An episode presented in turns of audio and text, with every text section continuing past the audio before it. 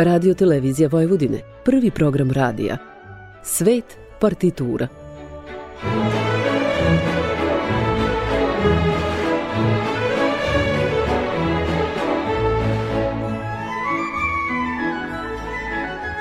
Urednik i voditelj Bogdan Đorđević.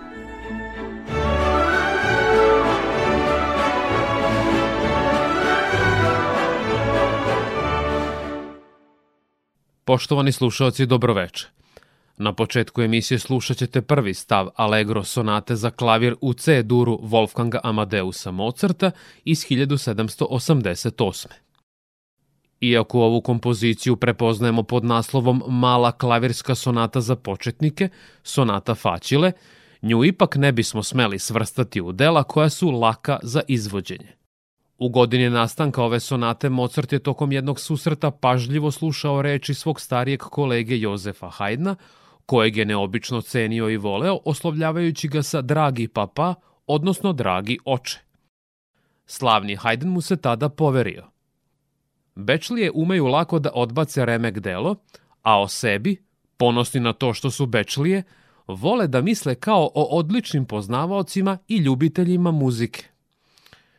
Mi nikada nećemo moći da ih promenimo i bit će pametnije da ih prepustimo njihovoj prostačkoj nadmenosti i da stresemo sa svojih nogu prašinu austrijske zemlje, pa da odemo daleko odavde u Pariz ili London. Od ukupno 11 godina koliko je proveo u Beču, Mozart se selio čak 9 puta.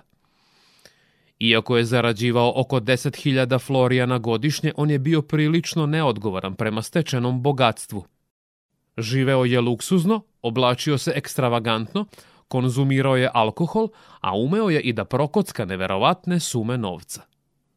Uprkos veoma visokim prihodima često je morao da pozajmljuje dukate od pokrovitelja, izdavača i prijatelja. Iako je do kraja života bio traženi kompozitor, on ipak nije uspeo da pronađe stalan posao. Slušat ćete sada Micuko u Ushidu i prvi stav sonate za klavir u C duru Wolfganga Amadeusa Mozarta.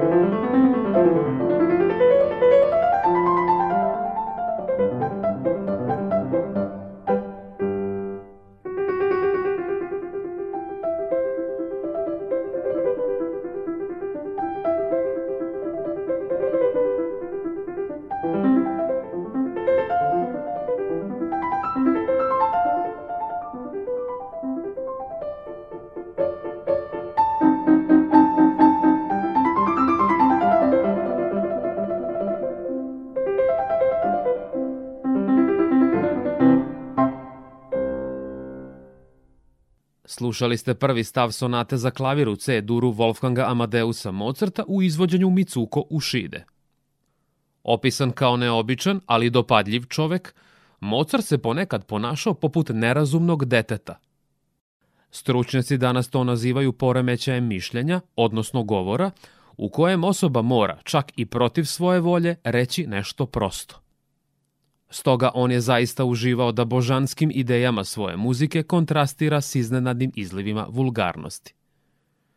Vi ste na talasima prvog programa radija Radio Televizije Vojvodine. U nastavku emisije Svet partitura slušat ćete četvrti stav Andantino Allegro, klavirskog kvinteta opus 114 u A-duru Franca Schuberta iz 1819. Ovo delo je od Schuberta naručio Sylvester Paumgartner, bogati vlasnik rudnika, mecena i violončelista amater, jer je bio opčinjen njegovom solo pesmom Pastrmka, objavljenom samo nekoliko godina ranije. Zamolio je tada ovog kompozitora da je ponovo iskoristi i ugradi u klavirski kvintet. Mladi Franz Schubert nijednog trenutka u partituri nije želeo da transformiše svoju poznatu, vedru i originalnu temu, pa se isključivo koncentrisao ka njenim melodijskim dekoracijama u osobenom koloritu i čestim promenama raspoloženja. U svakoj od varijacija možete uočiti da razigranu glavnu temu uvek izvodi drugi instrument u momentima kada nam autor zvucima dočarava neuhvatljivo i spretno plivanje pastrmke, kao i žubor bistrih potoka. Pred vama su sada pijanista James Levine, violinista Gerhard Hetzel, violista Wolfram Christ, violončelista Georg Faust i kontrabasista Alois Posch.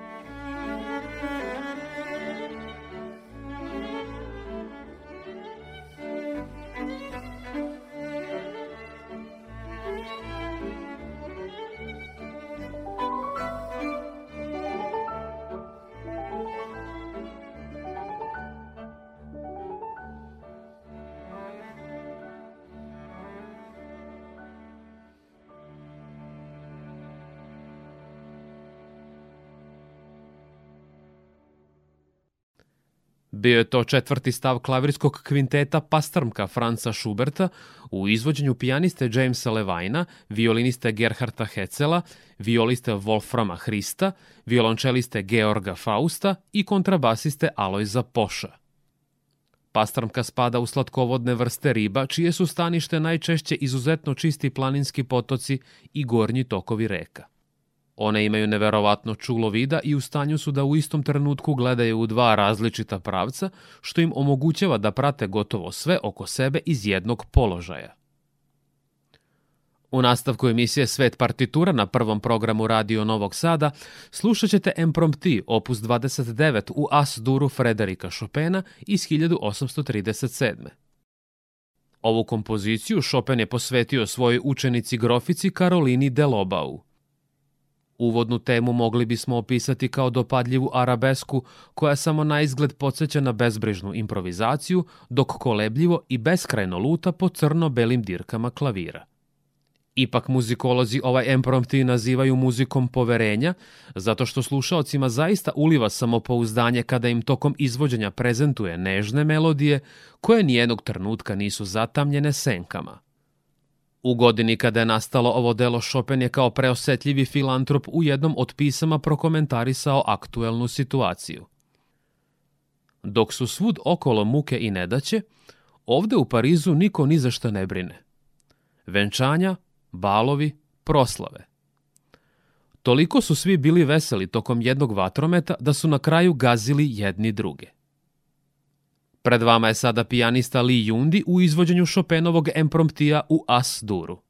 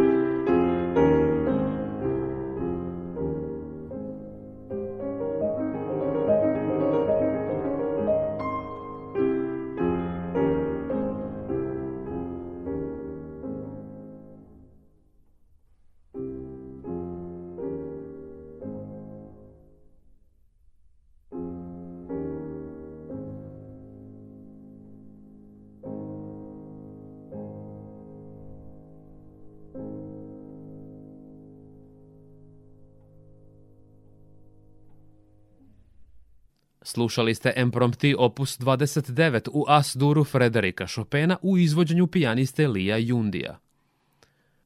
Kada je jedan muzički kritičar nakon antologijskog muzičkog dvoboja Lista i Talberga upitao poznatog nemačkog pesnika Heinricha Heinea ko je bolji klavirista, Franz Liszt ili Sigismund Talberg, on mu je na to munjevito odgovorio Frederik Chopin. Nastavljamo dalje s muzikom u emisiji Svet partitura na prvom programu radija Radio Televizije Vojvodine. Slušat ćete uvertiru Fingalova pećina opus 26 Feliksa Mendelsona iz 1833. Fingalova pećina nalazi se na nenaseljenom ostrvu Stafa na zapadnoj obali Škotske. Ime je dobila po belom lutalici, junaku epske pesme prema kojem je James Macpherson napisao stihove tokom 18. veka. Ova morska pećina neobične strukture sastoji se od šestougaonih bazaltnih stubova koji u dubinu idu 69, a u visinu 20 metara. Oni su nastali usled delovanja lave koja je hlađenjem stvorila veoma neobične forme. Navedeni veličanstveni kameni stubovi ostavljaju snažan utisak na posmatrače poput antičkog arhitektonskog dela isklesanog od strane vrstnih majstora i zidara – danas najimpresivniji spaleološki objekat dužine od 113 metara, svojom veličinom podsjeća na prirodnu katedralu sa ehom talasa koji udarajući u zidove proizvode muziku pod znacima navoda. Špilja je pored Mendelsona inspirisala i književnike Waltera Scotta, Williama Wordswortha, Žila Verna i Augusta Strindberga – Turistima je ova pećina dostupna samo od aprila do septembra, a sa njene obale se mogu posmatrati delfini, foke, ajkule, ali i kitovi. Slušat ćete sada bečke filharmoničare predvođene dirigentom Kristijanom Tilemanom i Mendelsonovu uvertiru Fingalova pećina.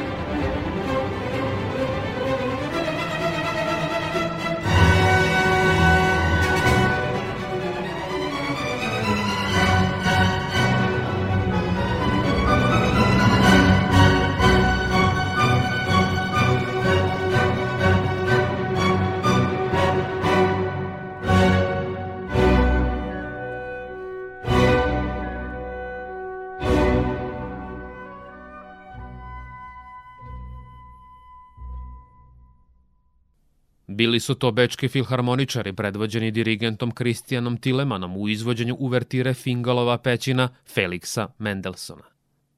Jedna od prvih pesama britanskog sastava Pink Floyd upravo nosi naziv ove čudesne morske pećine.